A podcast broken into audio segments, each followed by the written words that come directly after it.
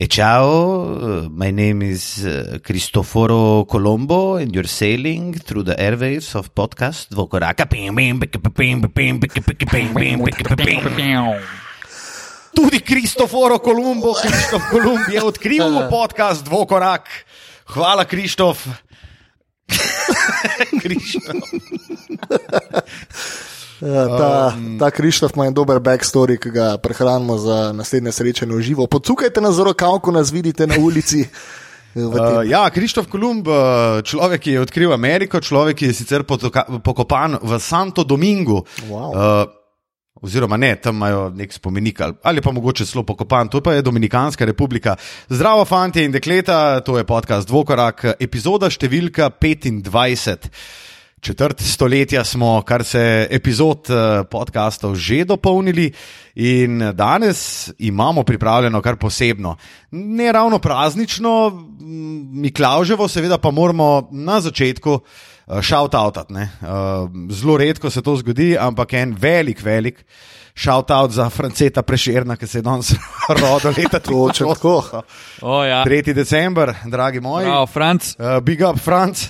Um, Matija bo danes tisti, ki bo povezoval to uh, epizodo, torej številko 25, ampak najprej najljubše vprašanje Tilna Lamuta pred začetkom vsakega podcasta. Tilen, kako si, kako gre? Zelo dobro, Luka, hvala. Odlično, kakšen entuzijazem.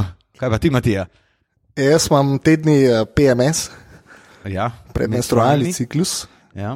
Mal sem tak nadrkan, brezvezen in to prinaša tudi nekaj dobrot v življenje, Matija Kosmača.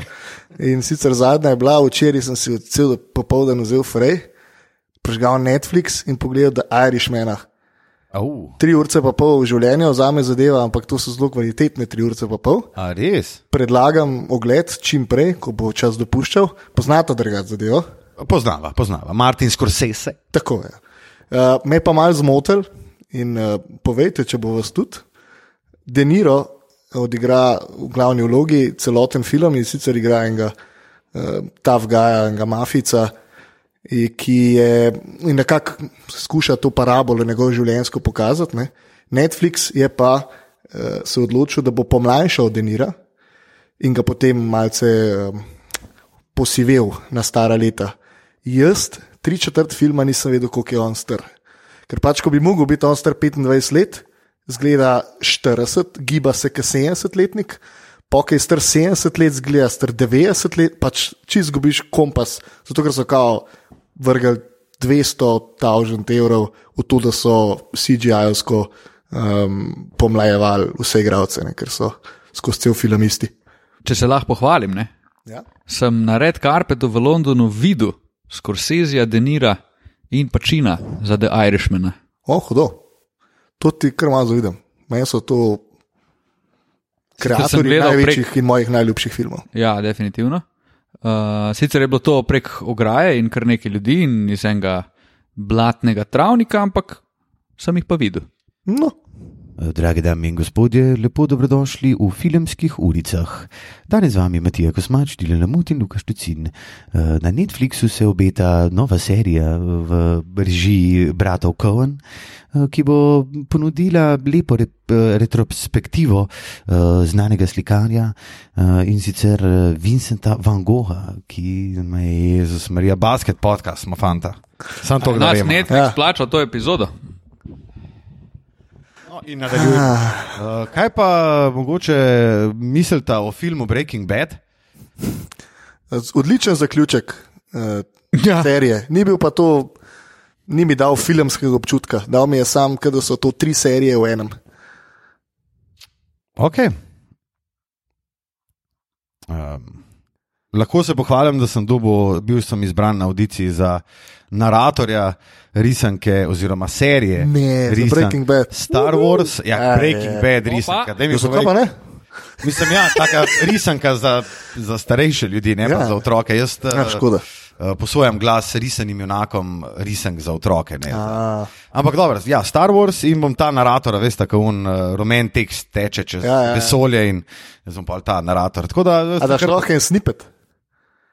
Uh, ne, v bistvu ne. Nimaš še izdelanega? Ne, ne smem. A, Tako, uh, Prav ne smeš. V bistvu tega sploh ne bi smel povedati. Okay. Ampak zdaj je, kjer je. Ne? Točno to, sem ben tega ne posluša. Ej, uh, To pa res. boš presenečen, veš. Res. Um, Slavko Jarič, uh, bi ga za Slavca. Recimo, Slavc je rekel, da njegova hči to vedno posluša in da jaz nisem športni komentator, Luka, ampak da sem uh, Brafilius, da dog v Vinksicah, kjer sem. A ja, podal jaz sem mislil, da ne posluša podcasta, ne Star Wars. Ne, ne, ne. Kam smo mi zašli? V glavnem, V glavnem, to je pa, dame in gospodje, najslabše zapravljenega časa v vašem življenju. Po pa Jaz imam- v glavnem. beseda Matije Kosmača. V glavnem. Jaz imam še en šauraut in sicer nam je uh, današnje gorivo za snemanje podcasta podaril nekdanja dvojka na Iliriji, dvojka za Enico, Enica pa je bil Goran Dragič. Um, zver, zverinica, katerega komentar smo brali, bil njegova menjava na Iliriji. O, zverči, Zverče, ja. big up zverc. ja. Uh, tako da hvala za benzin, da tale podcast tako lepo teče. Lahko omenimo samo to, da je Tilc na začetku. A da je bonga, kurac. Vse sem rekel, da ga nam sam, kva moram.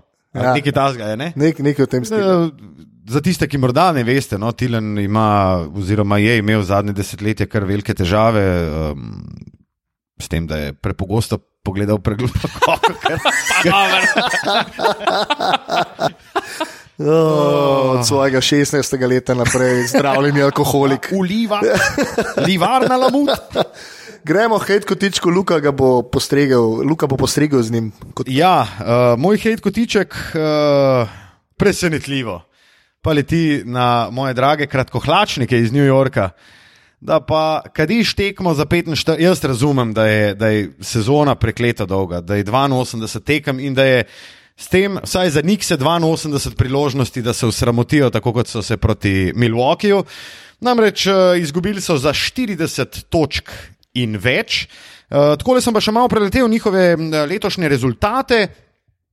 In lahko povem, da je bilo le pet tekem od vseh, ki so jih letos odigrali. Eh, Če ne štejemo zmage, dvakrat so premagali Dallas, to se pravi, polovico zmag so dosegli prav proti Luki Dončiću in eh, njegovim teličkom iz eh, zvezdne države Teksas.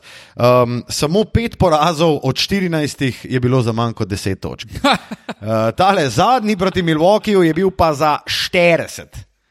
A mi lahko nekdo pove, kako imajo Niksi lahko sploh še navijače, fene, nekdo, ki spremlja to ekipo.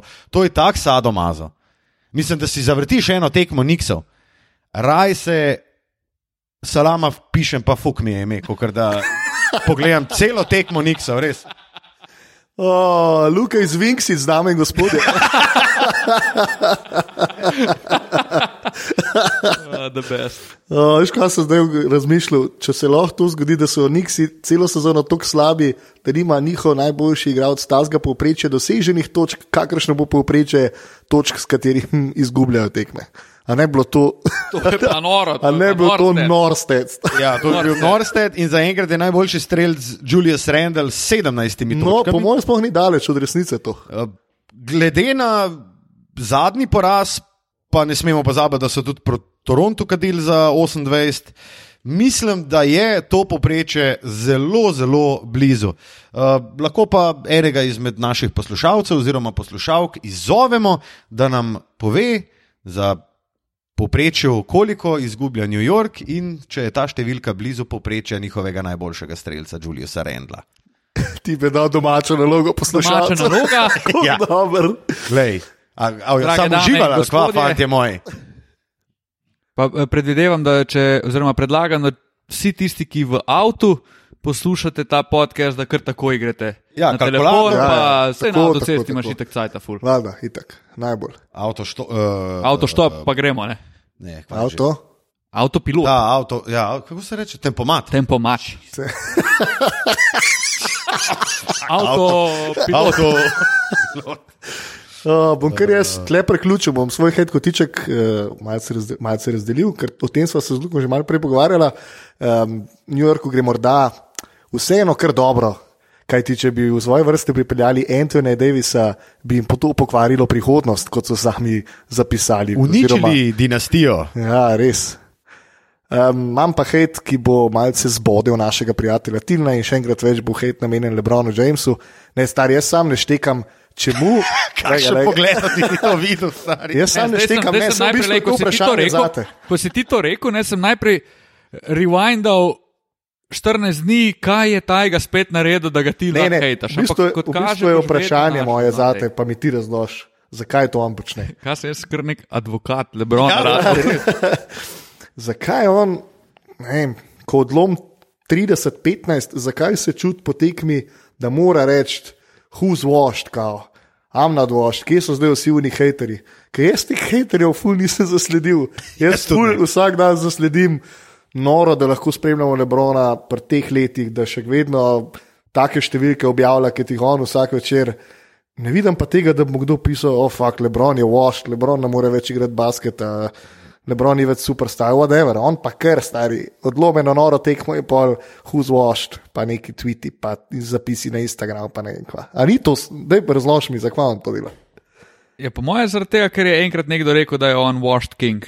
Ja, dobro, meni. Ne vem, ne, čak, da je Luka, lahko povem. wow. Oh, zakon. Okay, okay, A, ko govorimo o tem, da je nekdo nadrkan, se lahko uh, pridružim. Ja, v bistvu se res lahko. Ma Ma ti- ti... Ovulacija. Uh, ja, po mojem je le. Pojavljajo se ljudi, ki doskrat so govorili o tem, da je on spran. Ne? Pa lani ni prišel v playoff, pa že, že predtem, še ko je on igral Ja, v Miami, so bile misliš, une- ne, dosti? dej, že, so bile, že so bile te neke uh, navedbe, da ni več to, to. Vsakeč, ko njemu ne rata, ne vem, karkoli, je nekaj, da je počasen, da se več ne odrine tok, da ne več to kuca, ko je prej. Ne? Ampak kdo to pravi? Ne, se Jaz to, ja, ne ne vem, ti zdaj imena pa priimka povedati, ampak vem, da se to dogaja. Ne. Ja, to par tega ni debilčkov na. Twitterju napiše in to je to. Ja, je ampak- na Twitterju? A lahko dokončam. ni trije. Druga točka je pa ta, da po mojem on s tem pač tudi dela na. To je ena njegova komunikacija, ki jo je zdaj uvedel, in po mojem to je čist načrtno. Okay. Da je pač to nekaj, da opozarja na to v bistvu sam, da je star, koliko je star, 36, 35, 36. 35, po mojem. In da pač skozi je glavni šef v ligi. Ne. Če želite aktualne informacije in uh, preverjene, verodostojne informacije, potem se obrnite na trojico podcasta Dvokorak, ki ne ve iz glave, koliko je Lebron James star. Um, Ja, po mojem je to razlog, da ni tu nekega, da v resnici on ni skozi nadrkan, tako mi dva zadnje dva dni, pa sem gleda, kako bo zdaj pluvo ljudi, ki so ga enkrat vrežili. Jaz bi sam rekel to, da, oziroma dodal bi to, da meni gre v bistvu ta patetika full na živce, eh, ta ameriška, kokar jo uporablja spet LeBron James. Ne. To so unefore, ja, oh, who, ne vem, who said I'm washed, look at me now, neki gor dol. To so take fore, stari. To je ta ameriška patetika, ki skozi govorijo, da ko se pojavi ovira, stopi Ja, na realna tla, so, eh, skoči čez oviro, nihče te naj ne ustavi, eh, tisti, ki so proti tebi. Kdo so te modeli, ki so proti tebi? Ti zmeri govoriš, kao, eh, vi me ne morete ustaviti, pa kdo vi, stari? Ti ne veš, kdo so te modeli, ti, ti kar nekaj govoriš, stari. In to so meni krilatice, kot da bi dal, kot so prej z Matijo rekla. Ne? Kot da bi dal stari Aljošo Bagalo, Zlatko, ta pa nipke, ta skrb stari, pa nar- naredijo komat, pa svet je lep, noben me ne more ustaviti, pa te vsi, živijo, eh, vsi učijo, kako živeti. Pa dobro, ta starno. Ne, ja, tako te me rekel, pol lej. nauči, kako se ne reto brišem. Ne, dobro, stari, no. Ne, meni gre to, ta patetika mi gre na živce, pa ni to samo Lebron James. Oh. Ja, ja, itak, greš na itak. splošno. vse prisotno, tako, ja. ampak Vse zato, ne, Lebron bi mogel biti viš, večji od tega, to me moti v bistvu. To je, to je, to je American lifestyle, oni taki so. No, evo, to me moti. Ampak meni je pa, naprimer, mene niti ne moti to, dokler ne pride do res takih nekih ekstremnih podvigov, ki se tudi redno dogajajo v Ameriki. Ampak načeloma je meni pozitivno gledanje na svet mi je full dobro, kar mi je dosti boljš, da ti nekdo reče, ne vem, mindset v smislu, če češ ti, ne vem, kokrat je Steve Jobs probal nekaj narediti, pa mu ni ratalo, ne? na koncu je pa naredil Apple. Me razumeš, to je meni, da ne človek, ki mu enkrat proba nekaj narediti, pa mu ne rata in poje cel live v bedu, ja, probo sem in ni ratalo in zdaj bom jaz reveš. Pač ne, ne biti reveš, moraš trajati. Najprej moraš stokrat ne uspeti, da enkrat uspeš, kaj ne tilen. Tako. Ampak zdaj le bi ti dal pa samo eno kontro. Dej mi ti sam povej, kakšen je bil tvoj pogled, ki si videl odmelo ta post, zakaj si je izbral 0-0? Točno to stari. No, sej, to, so, to so una pretiravanja, ko, naprimer, to je ena stvar, ki je primer tega, da o teh krilaticah, pa teh navideznih vi. Sej je res, da Melo pač ni bil, koliko eno leto pa pol, spet preverjena informacija. Eno leto, mislim, da. Eno leto- Mislim, leto pa mesec. No. Ja, no, leto, več kot leto ni bil v ligi, se nima veze. Nihče ga ni hotel v ekipi. Pa jaz verjamem, da je bil on ful jezen zaradi tega in to, ampak to še skozi ne pomeni, da se je čist cel svet zarotil proti njemu, kakršen definitivno je bil ta post. Ne. Pa v tem postu je bilo enih floskul, tok norih nametanih noter za brez veze, da ja, Bog to- pomaga. Ta Ampak, svet je rado tako poduhovljen, to čudo je to. No? Tudi Mislim- Gary Irving ima neke poduhovljene izjave, jih je imel polet na tweet na Instagramu. pač Kyrie Ne, Irving no, ne. je. Ma, Sem rekel, da ne bom tega hejtal, ampak zdaj, ko smo v tej debati. Ne. Stari tip je šel na Twitter, ne, na Instagram, pa je na storju objavil, mislim, da 329 uh, besedno sporočilo, ki ga je napisal, o tem, da kako je.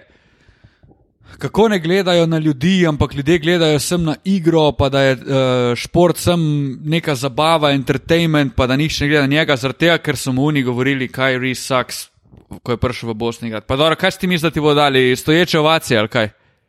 Kaj bi Mislim- on naredil, če bi prišel, ne vem, če bo on igral za Partizan, pa pol prišel na gostovanjih Crveni zvezdi? Veš, kva meni, bi meni se zdajle- model z joko. škoda zdaj le meni skozi hod, eh, te pozitivne besede. pa to, eh, Na misel mi pade nekdani slovenski rokometni selektor, a ne v zadnjem obdobju.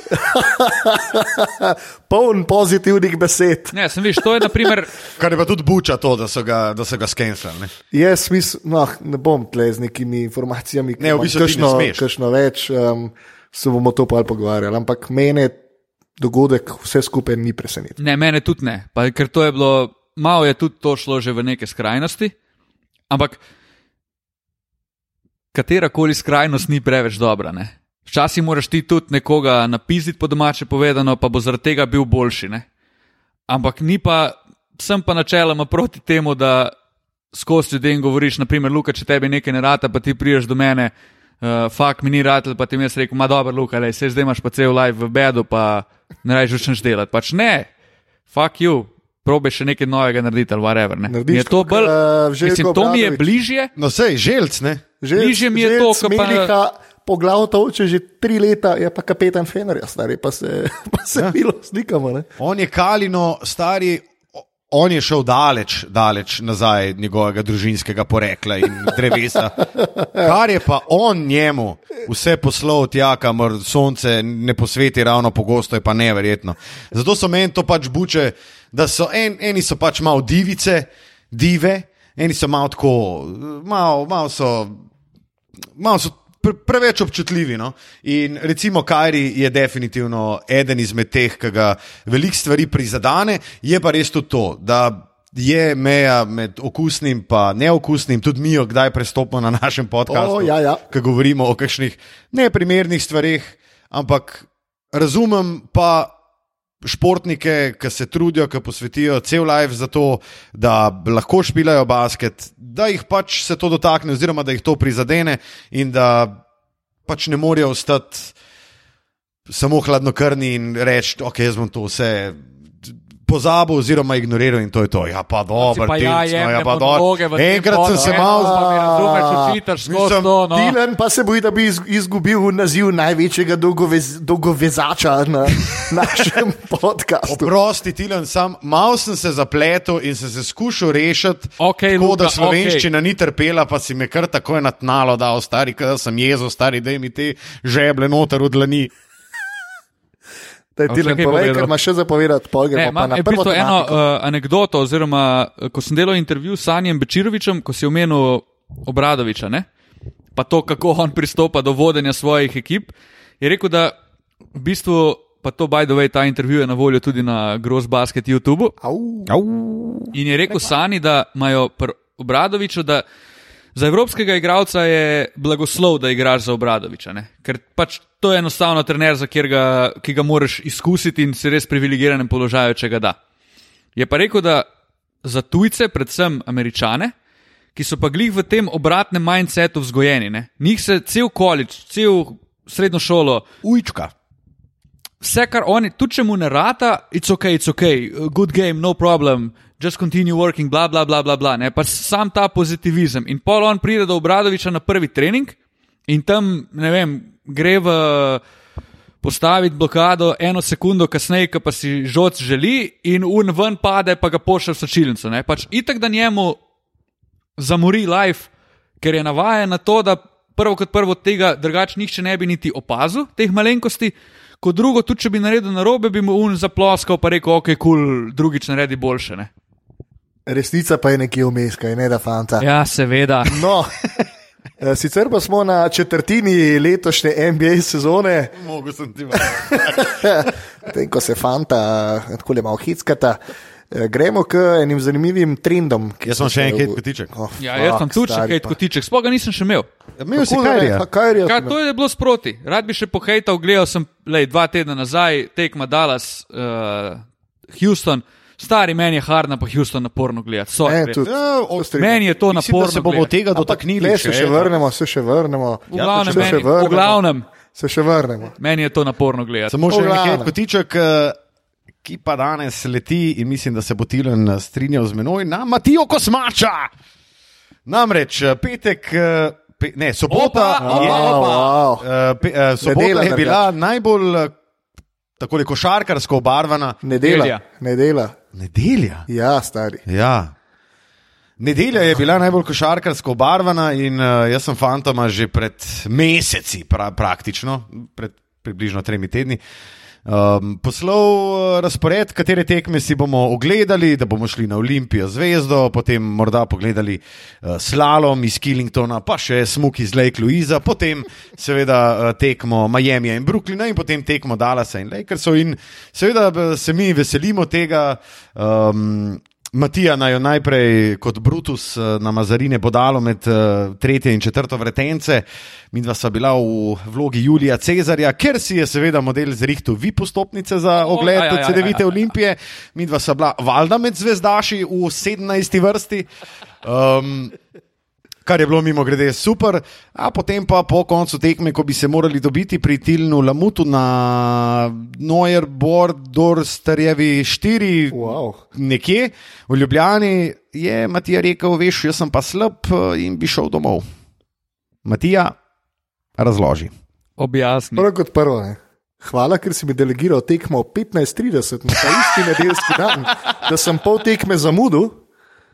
Ne, toliko tem. Uh, To je bilo pa nič. delo dodatno potrdil in Ja, ti si ja, rekel: pa čakaj malo. Ti si potrdil si. Ja, kdo mi ga je pa delegiral? E, jaz sem ti delegiral. Ja, evo, mislim, da je stvar rešena. Kar se tiče pa eh, preostanka večera, redu, pa. kar se tiče pa preostanka večera, se pa upravičujem. Zavedam se, da to ni bilo lepo od mene, ampak upam, da razumete, da sem res uh, po napornem vikendu uh, potreboval nekaj časa v tišini. Jaz zelo razumem, sem pa uh, pričakoval precej bolj tak. Uh, Humorističen odgovor od tebe, ne tako resnoben kot je bil, in mi je zdaj mogoče malo žal, da sem te srečal. Oprosti, Matija. Pa kar upravičil se mu je. Ja, pis dobro, le no. Kako hudo, stari. Če, če se mu drgnejo stene maternice, pa je zelo, ojoj. Ja, to je menstruacija, full vemo. V menstruacijo, glavnem, smo, pa, smo na četrtini NBA sezone in govorili bomo o nekaterih trendih in ali bodo ti trendi zdržali do konca sezone ali ne. Pa dajmo kar s prvim. Uh, James Harden v letošnji sezoni dosega v povprečju 39 točk na tekmo in ga je zelo grdo gledati. In uh, a bo grdo gledati Hardna, ki bo uh, vsekel 81, ko? ali jo bo sploh vsekel 81 ko v letošnji sezoni, kaj mislite? In potem jasno še o tem, ali lahko zdrži sploh s tretjim najboljšim povprečjem v zgodovini lige. Jaz mislim, da je Harden en tak frik, ki lahko zdrži. Um, od teh, ki jih imamo še pripravljene za naprej, uh, mislim, da je on v bistvu tak, ki bi se upal skoraj staviti, da, bo, da, naj, da je največja šansa, da bo zdržal. S tem povprečjem, pa Hardno ni izključena 70-ka, 80-ka letos, ker enostavno vse skupaj izhaja iz te grdote igre Houstona. Ne? Ker v bistvu tip dela, kar hoče. Pa to niti ni tako sporno, da dela, kar hoče, ker če bi ti gledal sem Hardna, naprimer, ko si rekel, bo, bo grdo gledati Hardna, kada 80, ne bo grdo gledati njegovih highlightov, ker si boš 80 pik v 4 minutah pogledal. To bo super. Čeprav boš videl 36 step backov v 4 minutah, ampak če boš pa ti to celo tekmo gledal, je pa res grdo to, mislim, težko je to gledati. Houston ne igra vse skup nič. Oni dajo njemu žogo in pol on 6 sekund, 7 sekund, 8 sekund napada, žogo dribla med nogami ali pa sprede in pol naredi step back in jo frtojne. Ja, grozen basket je Pač to. to je, strinjam. mislim, meni je vse skupaj. Druga možnost je, da gre v prodor in na koncu glavo nazaj potegne in sodniki mu piskajo faul in gre 35 prostih metov metati po tekmi. Malo pretiravam, ampak kaj dosti pa tudi ne. ja, Poleg tega polovičko. je pa njihova igra se konča po tako rekoč prvi podaji. Res bi eno tekmo šel gledati, pa bi štev podaje Houstona v napadu. Pa da so mogoče efektivne, da ni to podaja, ki Harden da ven žogo, pa gre takoj nazaj po njo, pa sta to že dva pasa, ker pač sta v bistvu, kot da bi Harden skozi imel žogo. V bistvu je bilo zelo zanimivo to tekmo zdala sem gledati, ko vsakič, ki je mogel Houston povezati ne 3-4 podajo napadu, so skoraj da po pravilu izgubil žogo. In pri njih se skozi dogaja to, da Harden gre v prodor in jo kikne ven enemu in un šutne. Pač to je vse od njihove igre. Klint kapela dobi skok v napadu ali pa zaključi, če mu Harden vrgne uh, vrže na lob, se pravi, Eliub varianta in to je to. Po mojem pa zraven še Westbrooka, ki, če me vprašaš, se sploh ne znajde tam in kar nekaj dela in ne ve, ali bi igral svoj OKC basket ali bi tekel zraven Hardna. Majster igra 4 na 3, 3 četrt tekme, ki podvajajo Hardna, pa ne morejo Ja, 4 na če 3. mene vprašaš- To se pa vračamo na un gross basket eh, podcast, ki sem ti rekel, da Westbrook ne zna basketa. Ja, in če me vprašaš, se Westbrook tu ful ne znajde. Pač njemu, jaz mislim, da ni lepo igrati v Houstonu. No. Mogoče se zabava, če je to hotel v življenju, da gre ta spotlight stran od njega, ampak po mojem njemu ni najbolj kulno. Ampak zaradi tega, ker Houston in Harden igrajo tak basket kot ga, a bosta kdaj Hardna cenila, da je to, recimo, če zdrži s približno tako statistiko, ali pa če bo imel neko tako parabolo še par let, pa se bo počasi spustila, a ga bosta vrščala med top 15 vseh igralcev v zgodovini. Ne, Luka je zdaj že ful razočaran, ker se mi dva Matija približno tri minute pogovarjava, tako da bom kar pustil ta odgovor gospodu Štucinu. Ne, ne, ne. eh, Ne, ne, ne, ne. Jaz nimam zdaj. odgovora na to. Nimam odgovora na to. Imam ga pa jaz. No, pa Ne, jaz povej. bom cenil Hardna zaradi tega, ker je res hud skorer. On je top shit skorer. Ali Sam- lahko on top, top, 10, top 15 igralcev v zgodovini? Ma ne vem, bi rabo dal. statistično, recimo, če zdrži še nekaj časa, bo. Tilen, zakaj si vstal? Ker grem pojačati gretje v tvoji sobi. Model, pa vrola je nerealna, stari. Model, sam še un bend bi rabo, stari pa Havaji. Tilen se je usedel na kavč in Drugače uh, sega po uh, bundi. Ja, te res zebe. Ja, ja. Danes je Tilen celo poprosil za copate. Dej si Ne, ne vem. bundo obleč. Ne, meni res, aj te Ma meni je vroče, okay. stari. Kakšen kaloriferček, mogoče drugič, no? Za Ne, lej, tam ne samo obrn, lej, zdaj je tam na 21, ne, ne, ne ta zgorenga, ta zgorenga obrn. Ja, tam, kjer so uh, te stopinje. A Od spodje, ja se zato pa nikoli ne gre. Ker ta zgorenga obrača. Ej, Ja, ja, drugače je Luka imel na 19 narihtano. lej, Pa prav. vse to je dost. Ej, uh, jaz bi v bistvu samo eno hitro repliko, uh, prosti Tilen, uh, na to rukno, ne, ne, ne, kaj se gremo danes. In sicer jaz Hardna najbrž preko njegove kariere nikoli ne bom spoštoval toliko, kot ga bom spoštoval deset let kasneje, ko bo on končal svojo kariero. In to se mi je zgodilo pri številnih igralcih, eden izmed njih, oziroma eden izmed najbolj resent igralcev, ki mi niso bili všeč, ki so igrali pa so mi tako zrasli v mojih očeh, ko so nehali špilati, recimo Kobe. Jaz Kobeja do 2011 nisem mogel videti, res ne, ker mi je šel na živce njegov slog basketa, njegova pojava, njegov ego, vse te ob košarkarske stvari. In polk je pa končal, delal sem mimo grede njegova zadnja tekma, na kateri je zabal 60 pik. Uh, pa lahko mirno rečem, da je bil to top 10 mojih prenosov v Lifeu, zato ker je bilo takrat jasno, da ko bi gre in ful mi šla na živce tudi njegova farewell sezona, pa oni dresi, pa uh, vidijo tributi in to, ampak recimo za Kobija si zdaj mislim, da je eden izmed mojih najljubših igralcev, ki sem ga pa najbolj sovražil med uh, kariero in mislim, da bo podobno s Hardnom. Sicer uh, z Lukatom danes nismo bili v najboljših odnosih, ampak pod to se pa podpišem, kar si zdaj povedal. Super. Ej, Ko smo jih prekobili, Andrew Higgins uh, v svoji peti sezoni lige NBA dosega približno. Toplo roko. Oh, shit. Stari, prav veš, švica kaj se- roko, Jaz sem full mrzlo roko, Šta to pomeni? bolj toplo Zjotina, roko. Kaj to pomeni, če imaš mrzlo roko?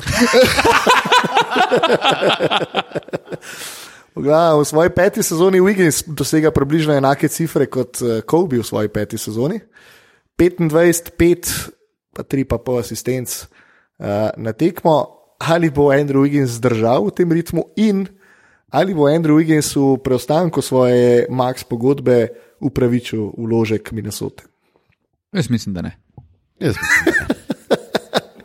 Mislim, jaz že sam zaradi tega to rečem, zato ker sem ga hejtel. Eh, Pred začetkom sezone zelo sem vesel, da mi je zaprl mojo goflo. Ampak ja, to so Kobe-like cifre, je pa res tudi nekaj. Ne?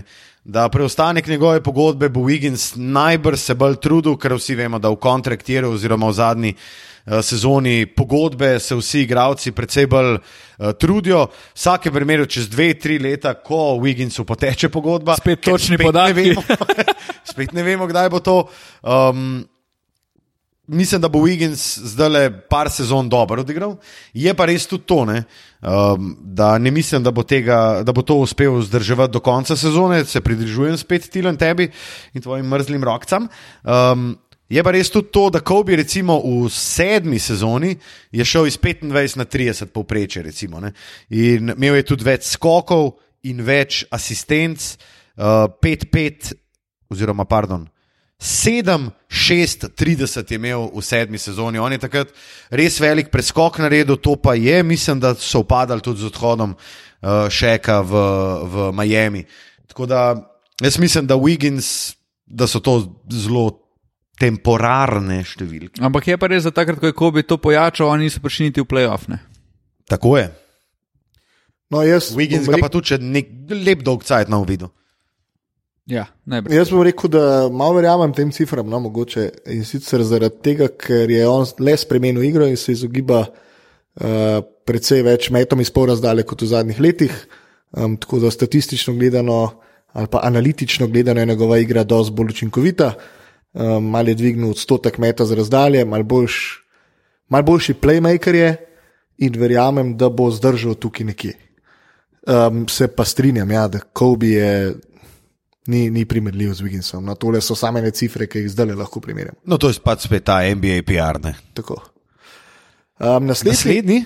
Malcolm Brogdon, po njegovi zaslugi v veliki meri je Indiana na kar visokem mestu, ker igrajo kar ogaben, ogabno slabo. Um, in sicer so samo pred uh, dvema ekipama v najboljši osmerici, Brooklyn in še nekdo, Detroit ali pa en. Ne? Mislim, še en fantastičen pokazatelj, kako pripravljeni smo. Nimamo niti standingsov odprtih. Ja, v glavnem. Vse jih bom jaz zdaj odprl. Upam, ne, Ampak mislim, da so šesti na vzhodu, no, kar je za, ja, res je, za, za njimi Brooklyn in Orlando. Um, 19 in 8 je precej več, kot smo bili vajeni strani Malcolma Brogdona, a bo on tle zdržal, tudi ko se recimo vrne v Ladipo, in ali je Milwaukee uh, ekipa, ki je naredila največje napako v off-seasonu. Mislim, da Brogdon točkovno ne bo zdržal pri 20, se mu pa znajo asistence po, po, povišati oziroma dvigniti eh, številka, ko Oladipo pride nazaj. Ker Brogdon zdaj, vsaj po mojem mnenju, nos preveliko stresko breme in vemo, da je on predvsej bolj učinkovit takrat, ko organizira, on je bolj playmaker, on je bolj facilitator, un, ki v bistvu razigrava svoje soigralce. In isto je bilo recimo pri Milwaukeeju, ki se je lani vrnil med, med playoffom, je Milwaukee takoj lepši igral, boljši igral. In Brogdon je bil pač tudi eden izmed tistih, ki je imel velike mete, kar je pa zmeri dobro met v ekipi. Mislim, da če bojo oni imeli recimo Ladipa in Brogdana na enki dvojki, da bo to eden izmed bolj presenetljivih backcourtov v ligi in eden izmed takšnih, ki bi si jih jaz ogledal kar precejkrat. Jaz pa mislim, da Brogdon bo zdržal v večji meri. Tega, ker on je v bistvu po to vlogo šel. Ne? A veš, on je bil pri Milwaukeeju, je bil on na nek način Sixth Man, oziroma ni bil niti tam, je bil Ja, ni bil niti Janes, ker ni, bil prvi. ker ni niti tip za Six Man. Tako, pa Chris Middleton je bil drugi igralec in v bistvu pol težko najdeš njegovo mesto. On je šel v Indijano in se je vedelo, da bo prevzel večjo odgovornost. In po mojem je našel v bistvu dobro ekipo, na kateri nikdar ni bil full velik spotlight. To je treba priznati. Tudi ko je Indijana igrala full dober basket, takrat z Georgeom, pa, pa še Hibert, ko je bil, ko so mantrali Miami. Ne? Ampak nikdar se ni o Indijani govorilo, da so oni, ne vem, čez redni del sezone so zmeraj v neki senci odigrali. Ne? In to, po mojem, njemu sede. In zdaj je dvignil cifre, kar je pričakovano, glede na večjo minutažo, večjo, pomembnejšo vlogo v ekipi. In po mojem, bi on tudi potem, ko se vladi povrne, mogel bolj ali manj zdržati, ker tudi v končni fazi bo mogoče manj fokusa na njemu, pa mu to spet malo koristi. Ne? In tu je on, po mojem, naredil dober biznis, da je podpisal za Indijano, kjer bo bil tak, ko ga zdaj gledamo, full soliden, full solidna enka, lahko lepcajte. Um, gremo še k enemu presenečenju, vsaj za me. V letošnji sezoni na vzhodu Toronto je drugi in to po zaslugi predvsem uh, enega košarkarja, to je Pascal Sijakam, ki dejansko lahko postane igralec, ki bo v dveh letih osvojil naziv uh, košarkarja, ki je najbolj napredoval. Um, zdaj iščem še njegovo statistiko, 25 pik na tekmo, beleži, temu doda še 8 skokov, 4 asistence, eh, sploh ta zadnji podatek je mal presenetljiv, mogoče. Um, in ja, Toronto igra noro. A bo Toronto zdržal in a bo Pascal ostal tukaj nekje 25-8-4, recimo. Prvo prvo bi rekel, da je to čist realno, da bo on še enkrat dobil most improved. Če pogledamo, Toronto ni, ok, še skozi je sem, to sem četrtina sezone, ampak Kawaj je šel, pa Toronto še skozi hara. Mislim, res so dobri. Pa imajo mogoče eno bolj podcenjenih obramb v ligi.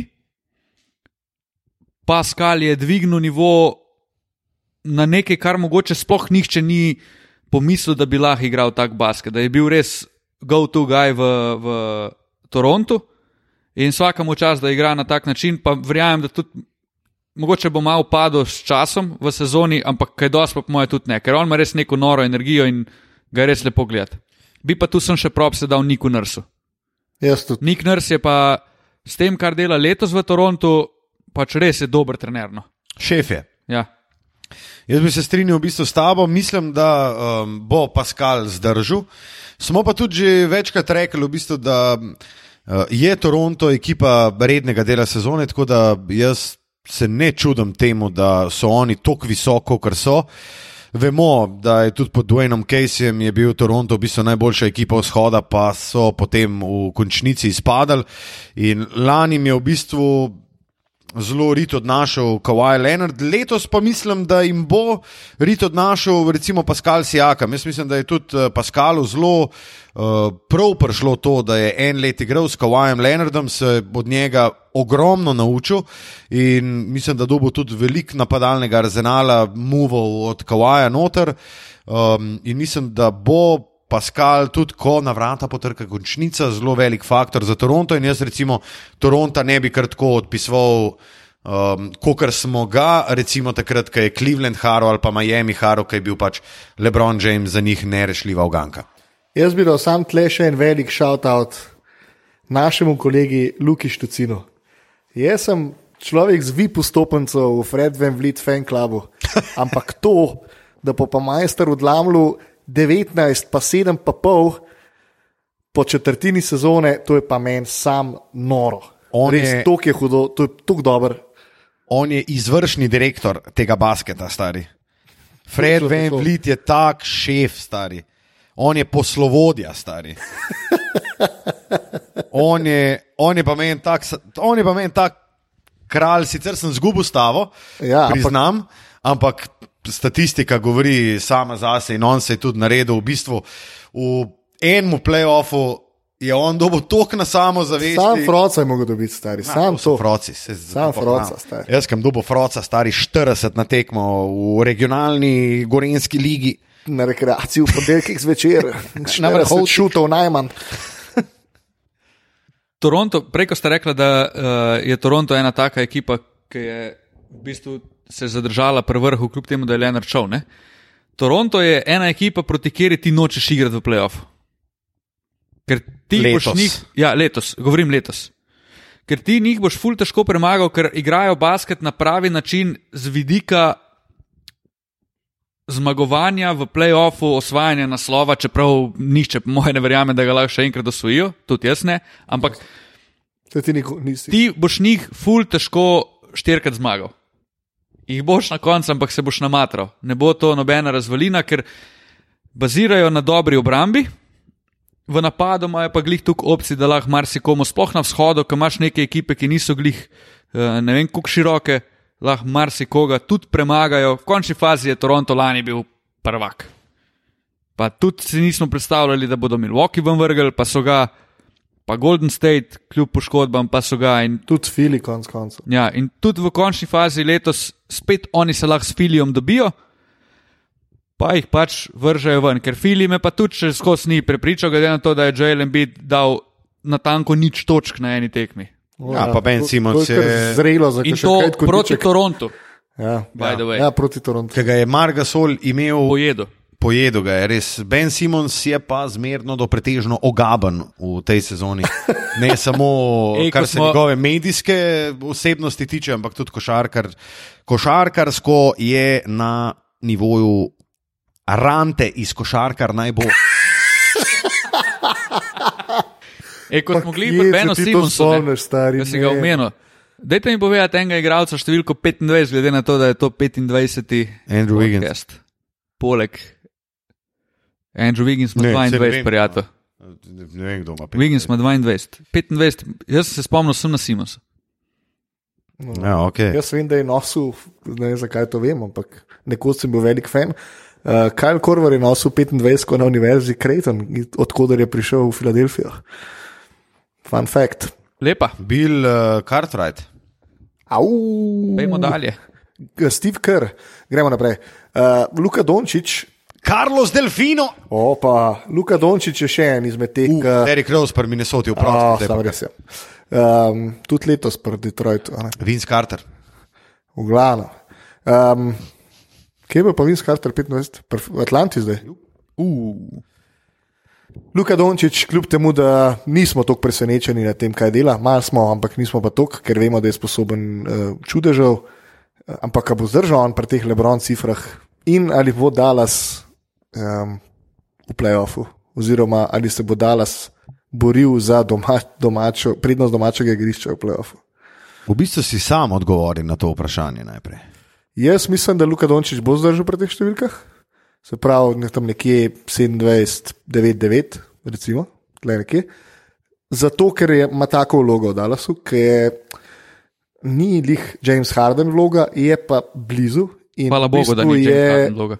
Ja, in v bistvu je lih kvaliteta Luke Dončiča, da on bi tudi lahko igral kot James Harden, pa se turi v raketo, izsiloval faule, pa podal ven za kika od trojke, ampak je sposoben igrati dosti lepši basket, kljub temu, da ima podoben usage. Kar se Dalasa tiče, pa tako kot sem že rekel, eh, vse je odvisno od tega, kaj, se, kaj bodo oni naredili do februarja. In tle, kjer so, morajo ostati do februarja, ker mislim, da po februarju bodo imeli velike težave, ker pričakujem padec v igri, mal pri Luki, predvsem pri Kristapsu. No. Pa oni imajo v bistvu drugi del sezone ne, kot je ja. ta prvi. Ja. Mene je Dallas navdušil, to moram reči. Uh, mislim, da nihče izmed nas jih ni videl v končnici, jaz jih danes vidim v končnici. Ja, se, zato sem rekel home court, ker v bistvu. Ja. Ampak je šlo tudi neki stvari na roko, no, neki poškodb. Ja, mi nismo dala se videti v končnici, zaradi tega, ker s- pač se je z Golden Stateom odvilo tako, kot se je. Bla, bla, Pa bla. Portland, Ampak- Portland. Ja, in Dallas definitivno trenutno, jaz ga tudi vidim v, v končnici. Obenem pa treba dati spet en shout-out za mlajšega Tima Hardwaya, ki ga kar bola zadnje cajte. In on je bil tudi ena izmed teh neznank, zaradi katerih smo mi mogoče dala sporivali malo bolj nazaj, kot kar zdaj, ne, glede na to, da se je on razvil v bistvu letos. Ne, nam rekel, da se je razvil, no, ampak. Prvo četrtino sezone je odigral res šefovsko. Pa mogoče še eno pod vprašanje, eh, najprej seveda vi, vi da povete svoje mnenje, ampak eno pod vprašanje, ali Tima Hardawaya tradati ob trade deadlineu, ker sell high, ali ne, ali ga obdržati. Tim Hardaway je en večjih X-faktorov pri Dallasu. Pa en igralec, ki smo se mi že pred sezono pogovarjali o tem, da bi bilo mogoče za Dallas ful dobro za njihovo sezono, da en od teh, ali je to Brunson, ali je to Hardaway, ali je to Seth Curry, ali je to Dylan Wright, da en odigra res hudo in navduši ostale in ga tredaš. In to, na primer, je za Dallas ful dobro, če Hardaway nadaljuje tako igra zdaj. Odvisno sicer, kaj dobiš v zameno za njega. Igodala? Ne. Jaz ne bi. Zaradi tega, ker si godalo, moraš ti iti. Jaz mislim, da moraš ti dobiti prihodnost. Ja. Čakaj, Pa sam Igodala ti win now. lahko pokrije Kawaje, Lebrone, Okej, Hard- sam jaz Ti ne mislim, boš da- šel, lej, Dallas ne bo šel, Dallas ne bo letos prvak. Oni ne smejo, to sem že enkrat rekel, po mojem mnenju, Dallas ne sme se prehiteti samega sebe. In zdaj iti zgraditi ekipo za, ne vem, letos, nabutati neke igralce, pa reči, ok, zdaj gremo pa mi po prstan, ker verjetno jim ne bo ratalo, ker so pač preveč zeleni in v končni fazi in Luka in Porzingis, ki sta glavna igralca. Ampak morajo graditi, da bodo, v roku, da bodo od letos dalje redno v playoffu in v roku 3-4 let redno, mislim, redno, res konkurent za finale. In to je, mora biti domet Dallasa. Zaradi tega jaz ne bi Godale vzel, ker z njim moraš iti pač na naslov. Se strinjam in ko smo ravno pri Luki Dončiči zaključili, gremo k naslednji temi. In sicer bomo mogoče za nekaj trenutkov tudi malce odjadrali, ali pa še bolje se odpeljali stran od tematike samo košarke in se naslonili na eh, tematiko športnikov leta v Sloveniji za leto 2019. Tako da, kaj misli ta fanta, um, Luka Dončič nas je navduševal, a je konkurent, a je po vašem mnenju najboljši športnik preteklega leta? Jaz bi rekel, da ne. Jaz bi rekel, da Hmm. je najboljši športnik leta 2019 z morda ne največjim dosežkom. Tako. Oh, wow. uh, Um, tako politične, politično korektnega odgovora strani Luka Štucina pa nismo vajeni. res je. Lukas, beri, glasuj, ne. Najboljši kvaj, roglič, pizda. Aspirat. Tam na biciklu, kaj, pizda, tam Jurija 700 obratov na minuto, ko, ko, koga boli. Luka stane. Ne, um, moram reči, da je ja, velik, velik uh, dosežek. Um, nisem pa prepričan. No. Um, Vse, kot sem rekel, no. Luka je najboljši športnik in verjamem, da če bo to delo še 3 do 4 leta, da bo mogoče celo najboljši športnik v zgodovini Slovenije.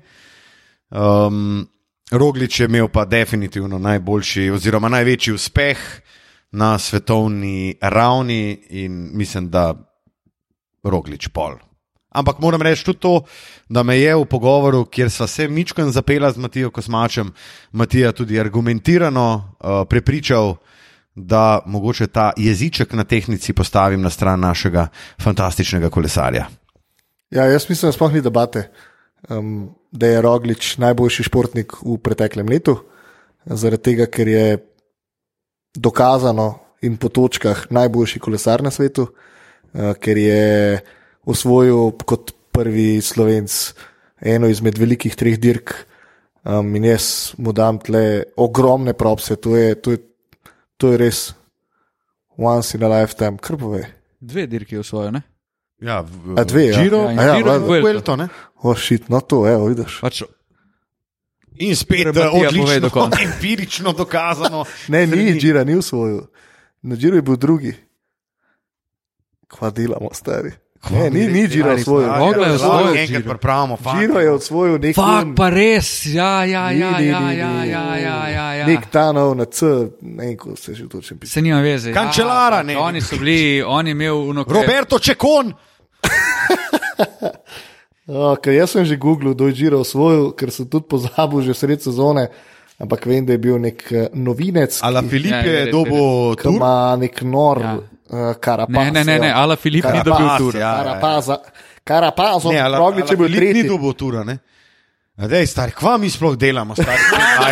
V glavnem. Ne, veš, da jaz grem te Excel tabelce od, Rogla je, prevračati nazaj, stari, to je brez veze, da sploh karkoli delamo. kle. Rogla, Rogla je športnik leta, stari. Ja, res je. Zaradi tega, ker je, tako se reče, Matija, najboljši kolesar na svetu in pač ti prek tega ne moreš. Pa to ne pomeni, da mora Luka Dončić biti MVP lige NBA, da bo najboljši, ampak Luka bo, jaz verjamem, da kar nekaj let zapored najboljši športnik Slovenije v prihodnosti. Pa to ne pomeni, da zagovarjam to, ker ima on največji, največji potencial, da bo v prihodnosti bil še, da ga zdaj ne smemo za njega glasovati, ampak to, kar je Roglo letos naredil, res nerealni propsi. Je pa to hkrati en dokaz, da uh, v Sloveniji imamo res full, full dobri športnik. Noro. Jaz pa moram reči samo to, da sem zelo srečen, da ne bo pač športni let, leta, ne vem, jadravc, kakavc, strelc, strelc, neki. Plezalc. Ne, Ja, prej si recimo izpostavil, ne, kaj je basket proti kolesarstvu, oziroma kaj je kolesarstvo proti basketu, gledano z uh, vidika številčnosti. Jaz mislim, da je kolesarstvo en tak šport, ki ga, je, ki ga vsaj potem lahko primerjamo z košarko. V smislu, kolesarimo vsi. ja, ja, In kolesar vemo, več ljudi, kot pomeni igra basket. Dober kolesar. Sam to. Se strinjam. Zato sem pa jeziček dal na stran Primoša Rogliča. Uh, Matija, prosim, zadnja tema. Torej, naš uh, športnik leta je Primoš Roglič, Na drugem, na drugem mestu, mestu Luka Dončić, na tretjem mestu pa. Čakam, čakam, Luka vedno postreže z enim Ne, eh, ne izmed bom, ne zanimivih. bom, zato ker se bom spet zameril komu in pol bo smučarska zveza za mojim hrbtom. Oziroma za mojim vratom, pa tožbe, pa ne vem kva. Spet, a? Ma spet. Nam nekaj rečeš, če stimija zajca, stari pa kaj 15 ur, pa kvaše. Oh, Gori hudo. timino. V glavnem. Izteka se leto 2019 in s tem tudi desetletje v Ligi NBA, in eh, na nek, naslednjih nekaj podcastih bomo obeleževali najzanimivejše zgodbe, eh, trenutke in eh, stvari, ki so se sploh dogajale v, teh, v tem času. Najprej pa se bomo lotili trenutkov. Fanta, kateri trenutek sta si najbolj zapomnila in je na vaju pustil največji vtis v zadnjih desetih letih lige NBA? Trenutek govorimo o kuca, akcija, šut, trola. Tako. Okay. En element, Ja, jaz ga imam. jaz tudi. No, se, Pisalo se je leto 2014, finalna serija lige NBA. San Antonio Spurs, Miami Heat. Točno vem, kaj bo rekel. No. Na vrhu igrišča igralec številko 20 Ja, iz Argentine. stari. Mano Ginobili prime žogo, nakaže finto v desno, gre v levo. Hezi, ne, ne vem, če je bil Hezi, Ni bil hezi. v vsakem primeru, uh, pospeši. Pred njim se znajde košarkar, ki je prej nosil dres Toronta, pa se je potem pridružil veliki trojici pri Miamiju, Kris Bosch. Mano Ginobili pri svojih 36 letih skoči in mu ga kucne v fikost. To je moj najljubši trenutek tega desetletja. To tekmo sem delal. To je bilo tako do stari. Mano Ginobili kuc čez Krisa Boša, Fikela, Fikadilja, Gefa, Faca, vse. To je moj moment. To je bil res nor moment. To je bil tako hud moment, stari. To je bil nor moment. Ampak glede na to, kar bom jaz rekel za trenutek, To se je pa zgodilo leto poprej, a ne? o, ja. leto prej. Ja. Game 6, Lebron za 3, neuspešno, Luft. Luft, Bosch the rebound, kick out to Allen, his three pointer, goal! Stari moj, una trojka mi je life rešila, po moje, ki bi se zaklal, če ne bi dal. Ampak uh, ja, to je moj moment. No. Rej en trojka, To je kar epic trojka. to je mogoče celo naj-top trojka ever. Mislim, je pa definitivno v konkurenci, ker je trojka, ki je odločila finalno, mislim, ni odločila finalne stari, serije, je. ampak je pa, v bistvu je, realno Je, je. je, je rešila to. se ti Ja. ne moreš pobrati, Ja. stari. Pa če si ti Popovič, Duncan, Ginobili, Parker, Ja. ki jih imamo vsi Ja, v pač čislih, tam so tekmi se ne na zadnjem, pred, na timeoutu pred tem šutom, so v Miami vlekli rumene trake za klopijo. Ja. Pač to so igralci videli, to so pol govorili, da mislim, da in Wade in LeBron in Allen, da, da to je bilo, njim je bilo res bed takrat, ne, da bodo zgubili, ker so videli oni ljudi, kako se vse pripravlja na, na to slavnostno podelitev v njihovi dvorani in pol trojka, stari moj jo je izvlekel, ampak ta šut, on je backpedal nazaj, mm. se vstavil na full oskem prostoru. Ni sploh gledal trojka, on je vedel, ali šutira za tri, pa rabo je trojko, ne za izenačenje. Ali za dve, ali za tri, in jo šutne in jo da. Pa Ja, to je pol kasneje tudi noro, povedal, da to je trenutek, za katerega je on delal Ja. 30 let in da je to šut, ki ga je on treniral na praktično vsakem treningu. In kar je najbolj impresivno, je to, da je ta šut izgledal kot čist vsak ja. drug njegov šut. Tako. To je pa ta repeticija in ja. zaradi tega je meni, Ellen, ne glede na to, kaj je bilo z Bostonom in pa Miami in tako naprej, meni je Ray Allen velik, velik šef. Zaradi teh stvari, kak je, ker je njegov šut skozi isti. On je, meni je Ray Allen najboljši pure shooter vseh časov. Pa please hejtaj me zaradi Stefa. Mm, Ne, prej bi te zaradi kleja, ker klej je pure shooter, tudi ni pure shooter. Ampak Steph je meni red. je Ray Allen res ikona, stari. Je, je. Ko ti rečeš šut za tri, je prvi človek v moji glavi Allen. On je Jesus Shuttlesworth, stari. Je, Oh, ja. Točno to. He got game. Matija. 2016, Golden State, Oklahoma, ni cela 6 sekunde do konca, Steph Curry iz uh, 32 čevljev. Za 3, 12 trojka, 288 v sezoni, s katero je postavil nov osebni rekord, in trenutek, ko se je NBA dokončno spremenil iz NBA, kot smo ga gledali do takrat, v NBA, kot ga gledamo danes. In mislim, da šut, ki je bil ne samo za zmago, ampak za recimo temu novo ero. Bang, bang, Bang. bang. Mike Brin z vami. Mike Brin, nor. Nor. Ja, hud šut, legendaren šut. In jaz bi se prav strinjal s tem, da takrat, takrat se je začela ta era basketa, ki ga spremljamo zdaj, sicer z mičkenimi deviacijami v smislu. Kle, predvsem mislim na Jamesa Harna in na Ja, to statistično, statistično crazy. To so v bistvu neke ero. statistične anomalije. Ne? Ja, ja. Uh, ampak ja, jaz bi ta šut dal obok šuta Rea Elena. No. Jaz bi pa v bistvu še rekel, da je Tudi Zaradi bilo. simbolike, vprosti. Ja, poleg tega vsega, ki se strinjam v bistvu s vsemi tremi nore, nori trenutki, ampak ko smo glih pred trolah, ne.